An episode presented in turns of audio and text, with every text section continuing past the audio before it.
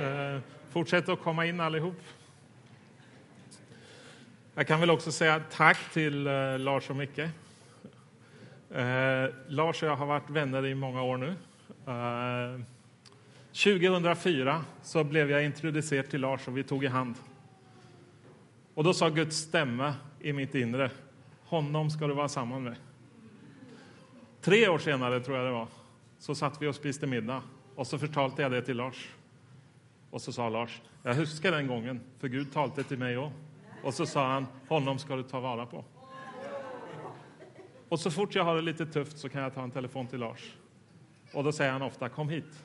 Kom upp till Åsgreina så tar vi hand om dig lite extra gott. Och det är ju, det har hänt många gånger nu att jag har fått komma hit när jag haft det tufft. Och just nu så är det en period där det är lite tufft och så får jag komma hit och vara i den här fantastiska atmosfären. Det här är en fantastisk menighet, församling. Två fantastiska pastorer. Var rädda om dem. Det är inte alltid så lätt. Det kan vara tufft ibland. Så ta hand om dem, uppmuntra dem, stötta dem. För de gör, man kan bli hemmablind. Ibland fattar man inte hur mycket de gör för en. Och det är svårt att se utifrån hur mycket det ligger bakom det, den typen av tjänst, herdetjänsten. Hur mycket jobb det är. Man tänker, ja men han pratar väl bara lite på söndagen, sen sover han resten av veckan. Men så är det ju inte. Det, det kan verka så, men det är inte helt hela sanningen. Då. Så var rädda om de här killarna och stötta dem och uppmuntra dem. Så de kan finnas till och orka med en ännu större menighet, för den växer ju.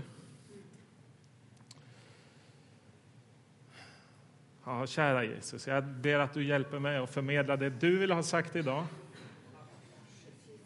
Och att du ger inspiration till alla som är här idag, i Jesu Kristi namn.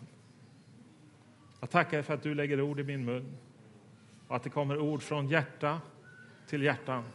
Tackar dig för att alla hjärtan som sitter här är öppna för att ta emot så att det blir till liv, så att ordet får bli till kött på nytt. I Jesu Kristi namn. Jag tackar dig för att de här orden får vara levande och fulla av kraft. I Jesu Kristi namn. Är ni glada? Ja. Man brukar bli glad på sådana här konferenser, tycker jag. Man reser hit och kanske, som jag, lite sådär tung i sinnet och så åker man hem och är lätt i sinnet och glad. Det är fantastiskt.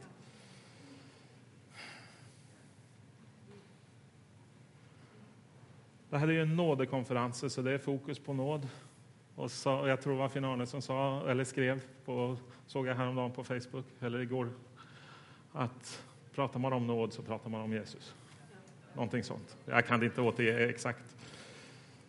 Men jag heter Rickard Salander, kommer från Sverige som ni hör. Jag kanske svorskar lite. Ju längre tid jag är i Norge så begynner jag svorska. Så det blir lite svensk-norsk. För inte så länge sedan, för något eh, drygt ett och ett halvt år sedan, så flyttade vi till Vetlanda. Så där har vi startat upp en liten menighet. Det är i storleken som en husmenighet. Nästan hela menigheten är här. Ni kan väl liksom resa er upp så ni får se alla svenskarna.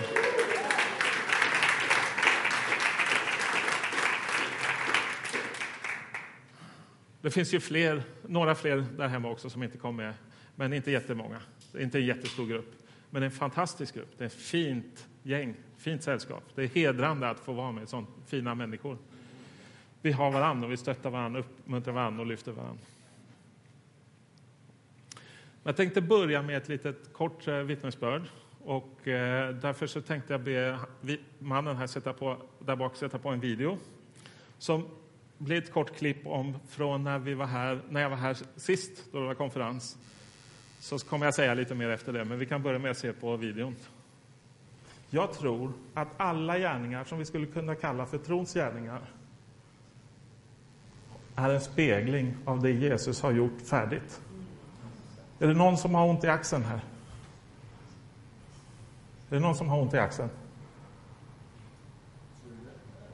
Här? Ja.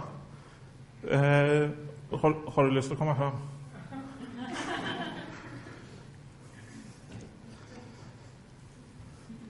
Vilken axel, höger eller vänster? Höger?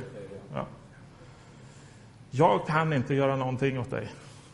Men om Jesus har dött för våra sår, Och det är genom honom vi har fått läkedom. Då kan jag lägga min hand på dig. Nu har jag lagt min hand på dig. Du, du kan stoppa den. Men, men vad hände sen då? Det, jag bad ingenting, jag la handen, jag tog bort den. Så Arvid, du är här idag, så du kan väl komma upp. Så kan jag, får jag låna den handmikrofonen?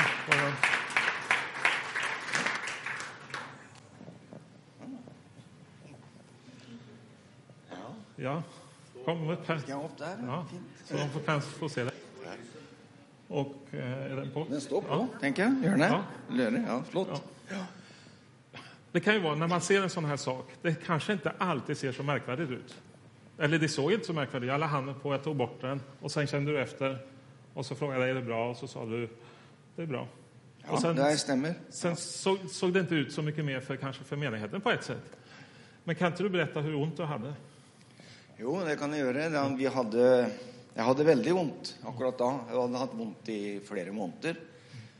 Men akkurat de sista dagarna så var det extra. Jag fick inte sova. Kunde inte ligga den på den sidan. Och det var inte så gott för hon som låg vid sidan av mig heller. Så.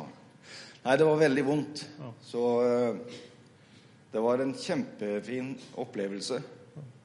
För så fort du sa något om det så kände jag det. Det har det hjälpt mig då. Och vad hände med smärtan? Då? Den blev borta. Ja. Jag kunde beväga den ganska omedelbart. Väldigt fint. Och den har faktiskt varit borta sedan. Ja. Väldigt bra. Och, och man kan tänka sig, ja men smärta det är väl inte så farligt. Ja, men när man inte får sova så är det ganska illa faktiskt. Så, Ja, det var väldigt bra för mig i alla fall. Det kändes väldigt fint. och, och vi har pratat om att göra någon slags eh, kort vittnesbörd om det här sedan den gången. Och nu är det på video och allt, så nu har vi lyckats göra det. Ja. Så det är ju fantastiskt att få benytta den här anledningen till det. Och så får vi ära Jesus. För Det är ju på grund av hans fullbrakta Yes. verk, ingenting annat. Nej, Det är hela grejen. Yeah. Yes. det är sant. Ja. Ja. Och jag kan säga någonting mer om det. Eh, för mig var det väldigt speciellt. Det var första gången det hände på det märkliga sättet. För när jag satt, den gången så förberedde jag mig med ett prekutkast och satt och skrev lite. Och så plötsligt så skriver jag spörsmål, är det någon som har ont i axeln? Och så ser jag framför mig hur det sitter en man, ungefär där du sitter med glasögon just nu.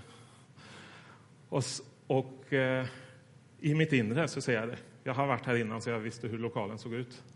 Och sen kom jag hit och så tänkte jag, det där ska jag nog inte ha med.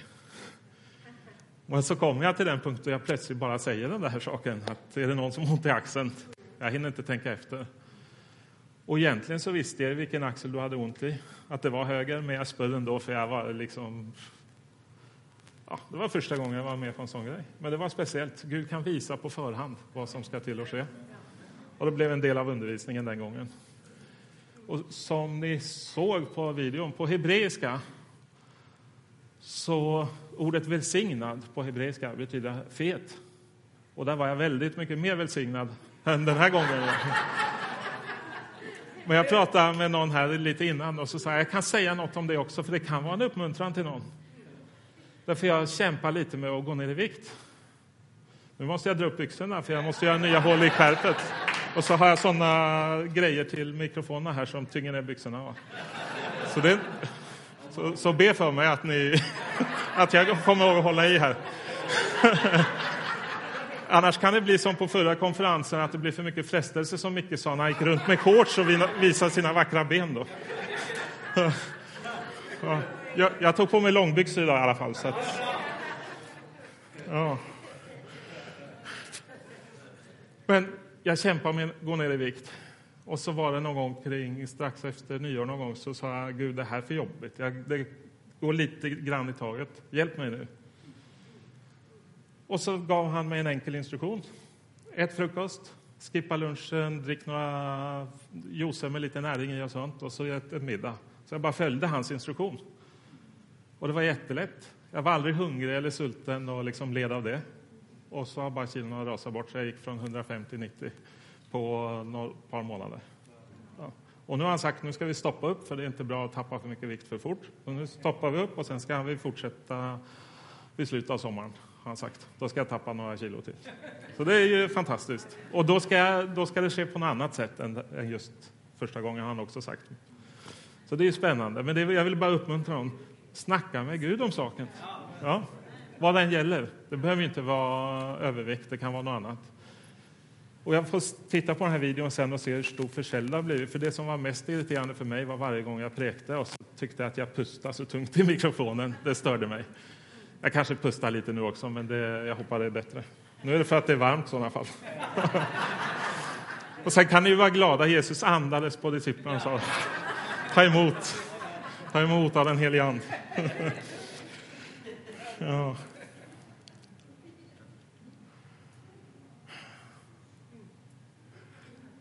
Jag vill börja med också säga att du är fantastisk. Du är bra. När vi prekar om nådens evangelium så predikar vi väldigt mycket om hur bra Jesus är. Men vi kan också börja preka om hur bra du är för på grund av vad han har gjort. Så jag vill säga att du är fantastisk, du är bra. Det är också en viktig poäng att få med. För det blir så lätt att kristendom blir att ja, Jesus är bra och jag är så hemsk. Nej, du är som han är. Ja. Han har gjort dig bra. Han har gjort dig god. Och så fick jag det här temat. Jag pratade med Lars. Ja, men har ni något tema? Ja, nådens evangelium till alla. Oj, tänkte jag. Jag är väldigt så bokstavlig när jag liksom får en uppskrift. Nådens evangelium till alla. Då kände jag lite som i den där filmen som vi såg på, Pay it forward. Förändra världen, säger han till en 11-åring. Nådens evangelium till alla. Jag har gjort så gott jag kan nu i 10-14 år, eller vad det är, sen jag blev frälst. Och kanske nått några hundra eller något. Så tänkte jag, hjälp, till alla. Hur går det till, började jag fråga Gud. Ungefär som jag sa, nu får du hjälpa mig med vikten här. Hur ska det här gå till då? Nådens evangelium till alla. Hur gör vi det? Skörden är stor, men arbetarna är få. Och visst kan det vara så ibland att en man kan väcka ett helt folk och sådana saker. Det finns böcker som heter så om John Wesley bland annat. Mannen som väckte ett helt Det finns folk, de som har en, har en tjänst att nå väldigt många. Men till och med de som når väldigt många når ju inte alla. Så nådens evangelium till alla, oj, det var en fet uppskrift om man får säga så. Fet betyder välsignad, så det är ju bra. Då. Men jag tänkte ändå, oj, Gud, hur når vi de som lever på jorden nu? Det vi kan kalla för vår generation. Ibland tolkar vi ordet generation fel och säger att vi ska nå vår generation och så menar man bara ungdomar. Nej, de som är 90 år tillhör vår generation också. Hur når vi vår generation? Med nådens evangelium började jag fråga mig själv. Och så blev jag påmind om något som Gud hade sagt för, för uh, några år sedan. Och så kom det bara li, lite ny vinkling på det. Då hade han pratat om en man som hade evangelistkurser i Sverige. John Ångman hette han. Och han tränade unga kvinnor att gå ut och predika. Och på den tiden fick man inte predika om man var kvinna ens, så det var ju väldigt radikalt. Han blev utsparkad ur baptistsamfundet och sånt för att han lärde kvinnorna att predika och det blev tjafs i den nya pingstväckelsen i Stockholm och sånt också för det här. Men det var kvinnor som kom för att på den tiden så eh, hade herrskapsfolket hade haft såna här eh, tjänstepikor ofta. Men den tiden hade börjat ta slut. Så de unga jäntorna som var tjänstepikor de hade börjat bli arbetslediga, arbetslösa. Så de hade ingenstans att ta vägen och visste inte vad de skulle göra. Och just då startar Jan Ångman en evangelistskola. Och ett hundratal tjejer anmäler sig till den här kursen. De är runt 20-årsåldern, de flesta unga tjejer. Och han tränar dem att predika evangelium. Och så går de ut. Och så börjar det bubbla av en ny väckelse i Sverige. Varför? Jo, för att evangelium går ut. Vad spännande, va? Och det var ju vanliga tjejer.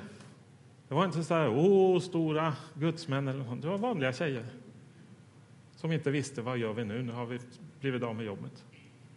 Och det var inte så lätt att gå ut på arbetsmarknaden på den tiden för en tjej. För då var man ju hemmafru på den tiden. Det här är tidigt 1900-tal alltså. Någonstans 1920 eller vad det är. Jag kan inte årstalen exakt. Och då pratar Gud till mig om det där på nytt. Och så blir jag påmind om något som jag hört sedan jag blev frälst.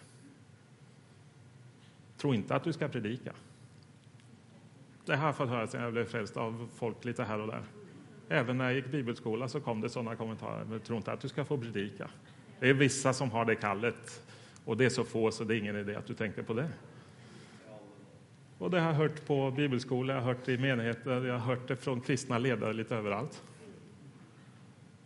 Nu förstår jag ju att det, när man har ett kall så blir det mycket motstånd, så det kanske var en del av motståndet det där då. Men jag vill vidga den här vyn på en gång.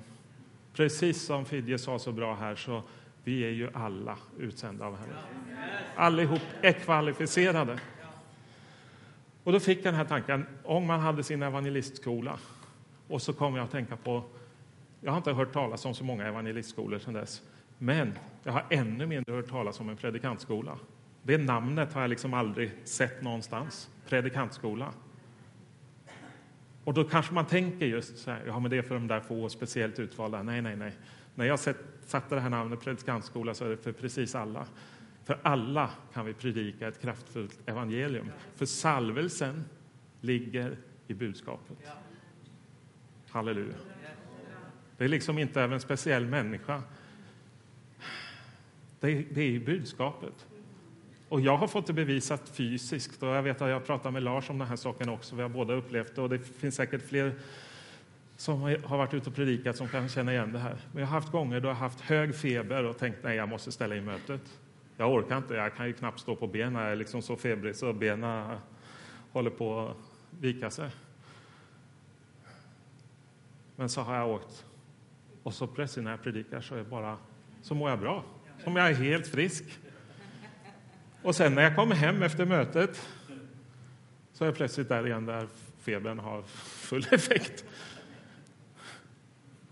För salvelsen kom när jag började predika.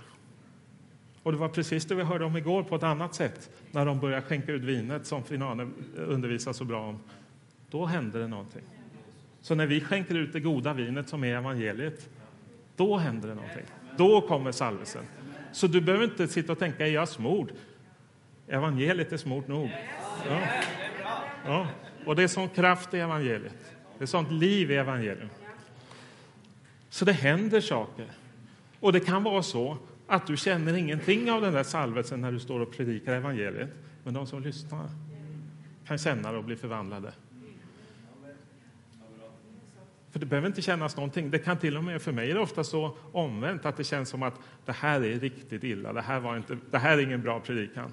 Så brukar mina tankar gå när jag predikar ibland. Och så kan jag bli nervös och rädd.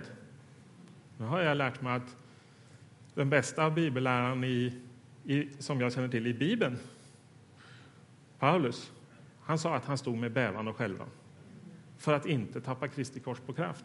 Så alla ni som sitter och tänker, ja, men jag vågar inte prata, ja men jättebra. Då tappar du ju inte Kristi kors på kraft, för då står du ju inte där i din egen duktighet. Halleluja för det. Och att vara modig, det här har jag tjatat om på olika sätt. Va? Det här är lite svårt ibland att få, få fram hela vägen. Men för att vara modig måste man vara rädd. Får jag låna dig Lars, jag kan illustrera det jättesnabbt och enkelt här. Tänk er nu att det här är en avgrund. Jag måste stå här så det inte blir rundgång. Att det är en avgrund och det är väldigt... Vi står på den här prekestolen i Norge. Inte den här prekestolen, den där jättelika klippan. Och så tittar vi ut här. Och så är jag... Jag är inte höjdrädd alls. Så jag liksom... Jag tittar ut utan problem. Men han är väldigt höjdrädd. Och så tittar han ut ändå. Ja. Vem av oss är modig? Tycker ni? Ja, det är han som är modig, för jag är inte ens rädd. Så hur skulle jag kunna vara modig? Man måste vara rädd för att kunna vara modig, och det har vi ibland bommat på. Så du som är rädd och tycker det är läskigt att preka, kom igen. Du har mer mod i anden än den rädsla du har i köttet. Ja.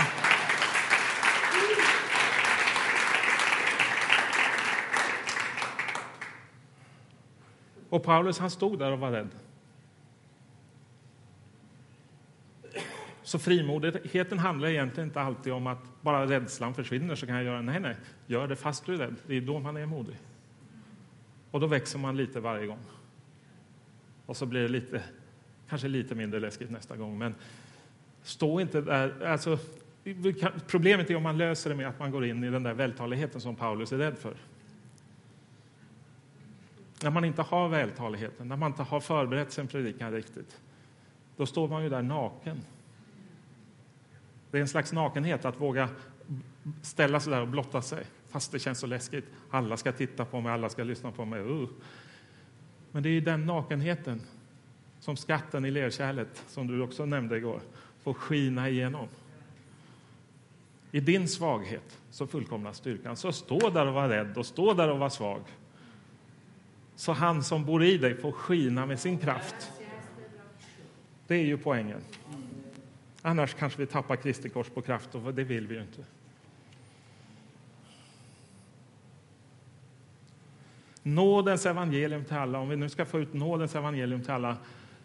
Jag har, jag har gjort så gott jag kunnat och nått några hundra och det finns ju predikanter som är mer effektiva och mer framgångsrika kanske och når fler. Det är fullt möjligt, eller det vet jag att det finns. Men om vi ska nå alla så räcker inte ens deras tjänster till. Då måste fler på banan. Och jag fick som en dröm, en tanke. Jag tänkte jag ska starta en predikantskola. Får vi se om, det, om folk anmäler sig. Predikantkurs. Ni, ni, kan gå in och titta på, på Facebook så försöker jag sprida det där eller på internet. Rickardsalander.com kan ni gå in på. Jag fick som en dröm. Tänk om ett par hundra skulle vilja gå en sån kurs och känna att de kommer igång och vågar ta de här stegen. Nu kan det gå sätta igång och predika utan att gå kursen. Så låt inte kursen bli för viktig. Det är, det är ingen guldkalv alltså, utan du kan predika utan den. Men om du känner att du vill ha stöd och hjälp från en grupp tillsammans där vi jobbar ihop med att försöka komma in i det här med att predika evangelium på olika sätt. Så var med på den här kursen. Den kommer att bli väldigt kreativ. Eh, för jag kommer söka och jobba efter att vi hittar alternativa plattformar. För det är inte så att vi ska in i, i gamla församlingar och predika, för de öppnar inte dörren. Inte om du predikar nådens evangelium så brukar inte de öppna dörren. Så det är inte där du ska predika, tror jag. Sen kanske någon av oss ska det. Men jag tror att du kanske ska predika någon annanstans. Kanske ska du göra podcastar som fångar människor. Kanske ska du göra Youtube-videos. Vi ska vara kreativa tillsammans på den här kursen och göra praktiska övningar där man får komma igång i skarp miljö där du plötsligt predikar på riktigt. Fast det är en skoluppgift så du kan komma över den där rädslan. För det här är en uppgift som någon har sagt, gör det här. Och då blir du liksom tvungen, fast du är rädd på ett annat, så blir det lite lättare. Är ni med på tankegången? Jag vet inte om det blev luddigt det där, men ni kan fundera på saken, ni är välkomna att anmäla er. Men tänk om vi skulle kunna träna några hundra eller några tusen till att predika evangelium i våra länder. Då kanske kan börja hända något. Tänk om tusen börjar predika i Sverige och Norge. Två tusen. Wow, det, det vill jag se. Det blev min dröm. Tänk om 2000 på två år kan börja predika frimodigt. Och nu menar jag med ord, för det är ändå kraft i orden. Vi kan predika på andra sätt med goda gärningar och allting sånt och samla glödande kol på människohuvuden och allt det är bra. Men det gör också något med det levande ordet. Så jag vill uppmuntra till det. Så du som har känt så här, och de flesta kristna tror jag har känt att de någonstans innerst inne egentligen skulle vilja predika. De har bara fått höra att, tror inte att du ska predika, som jag fick höra. Men då säger jag, tro att du ska predika, för Jesus sa det. Let's do it his way. Han sa gå ut och predika. Så oavsett vad ledare i Kristi kropp har sagt tidigare, glöm det. Låt oss göra det på Jesus sätt. Gå ut och predika. Alla är kvalificerade på grund av Jesus. Det är väl bra? Jag ska titta lite på tiden. Är det till, eh, till halva?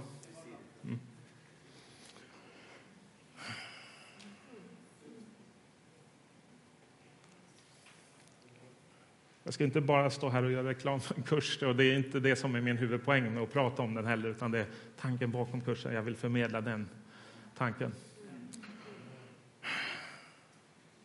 Men nådens evangelium till alla. Då tänker jag att då måste, då måste nog alla troende predika. Alltså. Om vi ska nå alla. Om vi menar alla med alla. Ja, då tänker jag att alla troende måste predika. Åtminstone lite grann. Och gärna mycket. För skörden är så stor. Vi är ju bara några procent av troende här i Skandinavien. av, av befolkningen. Och i de här länderna där vi pratar om att det här är så stor väckelse och sånt i Indien eller Kina eller vad vi tycker, ja, där är ju där är kanske en promille som är frälsta. Eller vad det är, det kanske är någon jag har ingen aning. Jag kan inte de där siffrorna. Någon som kan kan rätta mig sen då. Men det är ju inte många. Det är en överväldigande majoritet som inte har fått en personlig relation med Jesus. Men så kommer det här nådens evangelium till alla. Nådens evangelium, inte lagens evangelium. När man lyssnar på en del kristna så är det mer lagens evangelium som gäller och det är ju inte evangelium såklart. Det är ju det är en dålig ordvits va, från mig. Det finns ju inget sånt. Det finns bara ett evangelium och det är baserat på nåd, 100 procent på nåd. Det är liksom inte någon mittemellan. Men lyssnar man på ganska många i Kristi kropp så är det någon konstig blandning av lagens och nådens evangelium. Och då är det plötsligt inte evangelium. För lite surdeg gör ju hela degen sur. Och då är det fariseisk surdeg som du kan kasta i soptunnan faktiskt. För den, då, har det, då har man tappat Kristi kors på kraft. Då är er tro är verkningslös, då, det skriver Paulus i Romarbrevet. Om man börjar bygga på gärningar. Verkningslös. Den blir meningslös, tom.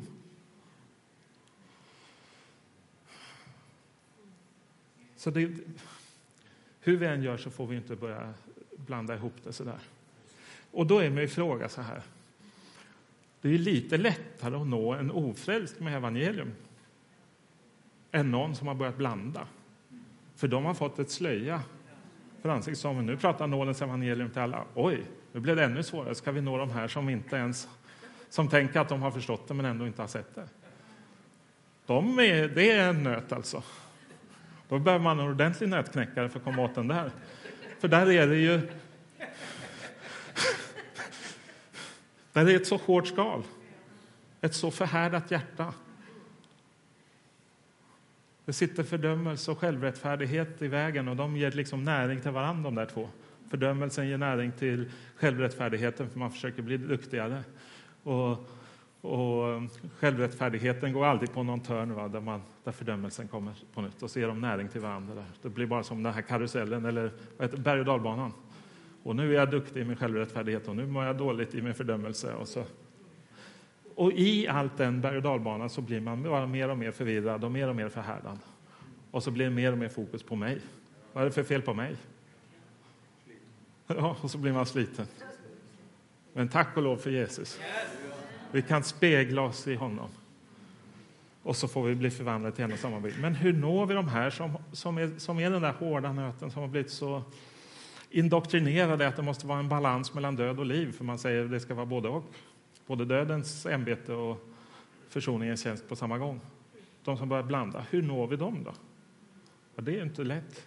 Vi har ett litet verktyg som kanske kan hjälpa oss att nå någon. Och kanske har du sett den här typen av verk eller tanke förut.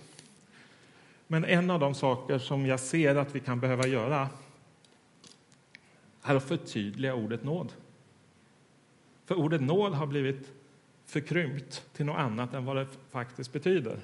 Och du kan säkert ha hört eh, mig eller någon annan prata om det här innan.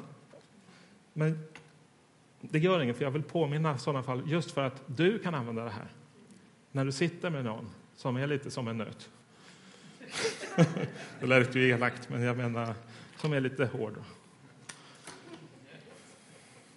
Ja, vi, vi, det är ganska varmt här inne. Här har jag med en, en termometer. Då står det att det är 28 grader här nu. Då. Det är sommar, så det är varmt. Det är gott när det är varmt. Och den här har jag för att illustrera någon slags tanke som handlar om att se hur det såg ut i den gamla pakt, som vi har hört om, och den nya pakt. Och som gör att vi kan förstå ordet nåd på fel eller rätt sätt. För den vanligaste förståelsen av ordet nåd är att förkrympa det till att betyda att du slipper få straff. Och det är ju jättefint att slippa få straff då, men då har man förkrympt ordet nåd. Och väldigt många kristna tänker att det är det nåd betyder. Man blir benådad, säger vi i Skandinavien. Och det gör oss förvirrade att vi har det ordet benådad. Du slipper få straff. Ja, men det är jättefint att vi slipper det, men det är inte det riktigt ordet nåd betyder. Vi har förkrympt ordet alldeles för mycket om vi tror att det handlar om det. Och för att illustrera det här så vill jag gå till den, först till den gamla pakt. För där fanns förbundsarken, förbund, paktsarken. Och där satt Gud på något som hette nådastolen, i, står det i, i svenska och norska bibeln tror jag. Men på engelska så står det mercy seat, det är ett annat ord. Och mercy vill jag översätta till barmhärtighet för att förenkla för oss. Mercy är barmhärtighet och då, det betyder att man blir benådad, man slipper få straff. Och där fanns det en sån fiktion. De kom med blodet av bockar och kalvar en gång om året och så var det mercy seat. Man trädde inför Gud med det här blodet för att få mercy, för att slippa få straff.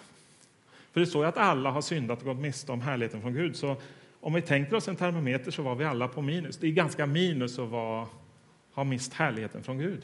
Då är man på minus. Så jag tänkte det här med mercy, det är ju du slipper få straff så du, du blir liksom okejad. Du kommer på nollan. Så från minus till noll. Hänger ni med på tankegången?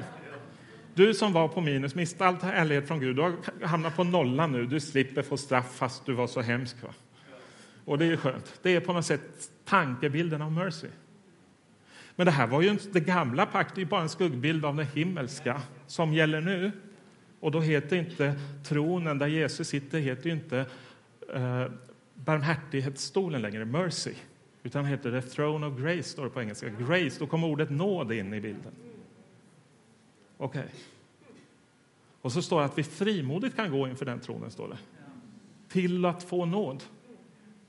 Också barmhärtighet. Alltså att du, du får ju komma till nollan också alltså. Det är ju inte, det är ju bra.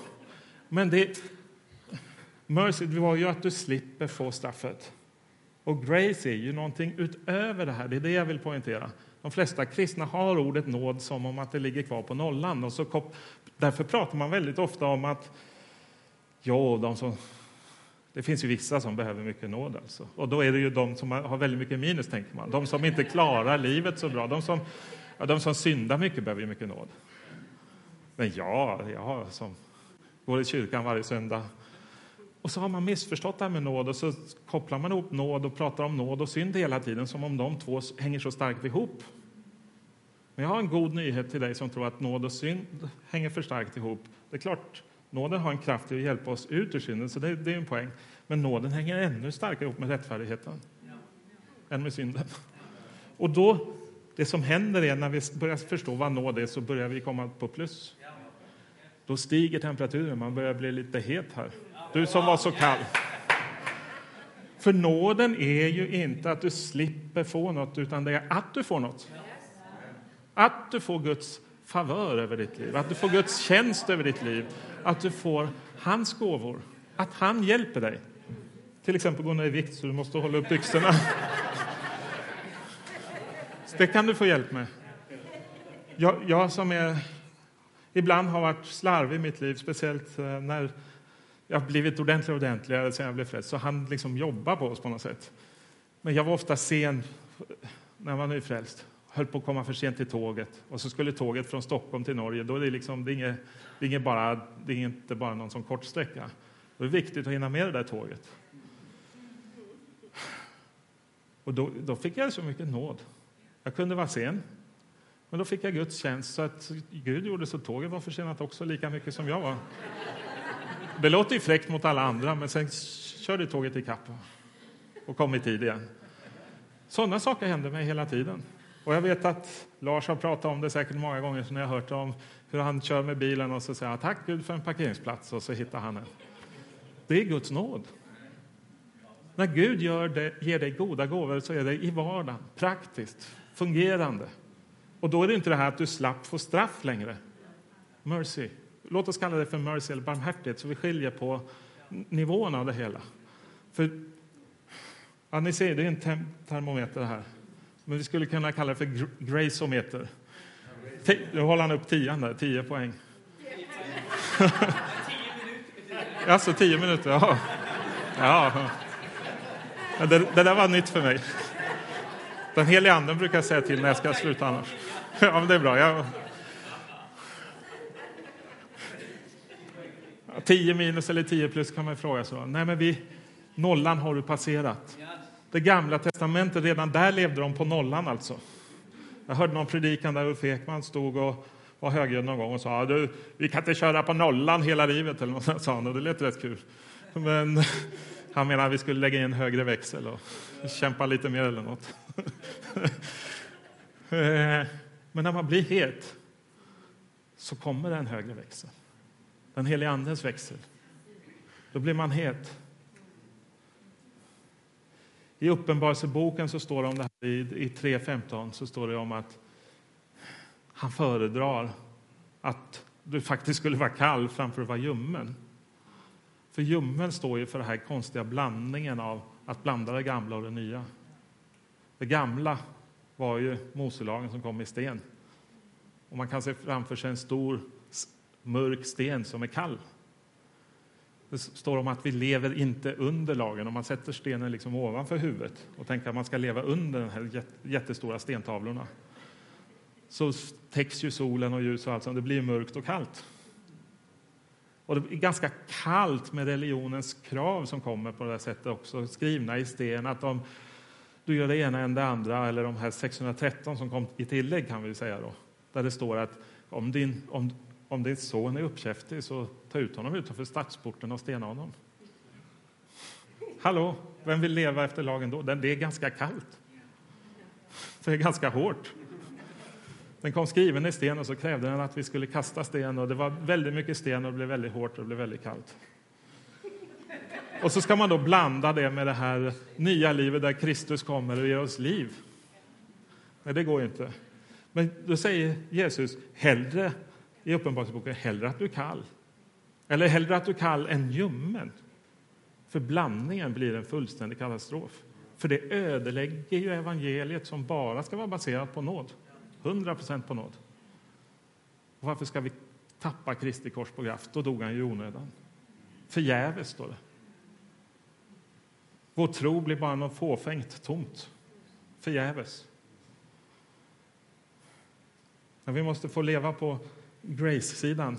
Du är inte en nolla, du är liksom på... Här går det bara till 50 plus. Men Guds, Guds nåd, Guds grace-termometer är mycket högre, för den har liksom inget tak. För det finns ingen ände på Guds nåd. Den är oändlig. Det finns ingen ände på Guds kärlek över ditt liv heller. De hänger ihop. Så den här termometern, kan ni, kan ni minnas en termometer? För, för att förklara för någon som tror att nåd betyder den här nollan. Att man bara sluppit straff. Som inte har förstått att det är faktiskt Guds goda gåvor över hela ditt liv. Kan ni använda det, tror ni, och nå, så kanske vi kan nå nådens evangelium till de som har svårt att förstå ordet nåd. Så det är tänkt som ett verktyg för dig det här. Nåden är mycket mera. Det är på plus. Det är mer än att jag slapp straff. Väldigt mycket mer. Det är alla Guds gåvor över hela mitt liv.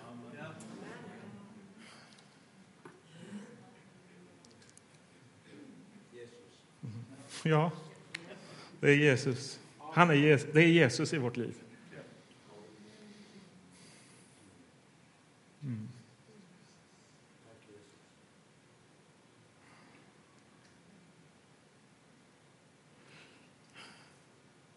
Finalen nämnde det här med jag är sanningen, vägen och livet. Och då kom jag på att jag kan säga något kort om det som en avslutning också, även om det liksom, det hörde inte ens till det här, hit till det här innehållet, så tar jag den också. Jesus sa, jag är sanningen. Det betyder att du inte kan bli lurad av lögnen, för du har sanningen. Jag är vägen, sa han. Och Det betyder att du kan inte gå vilse, för du har han som är vägen.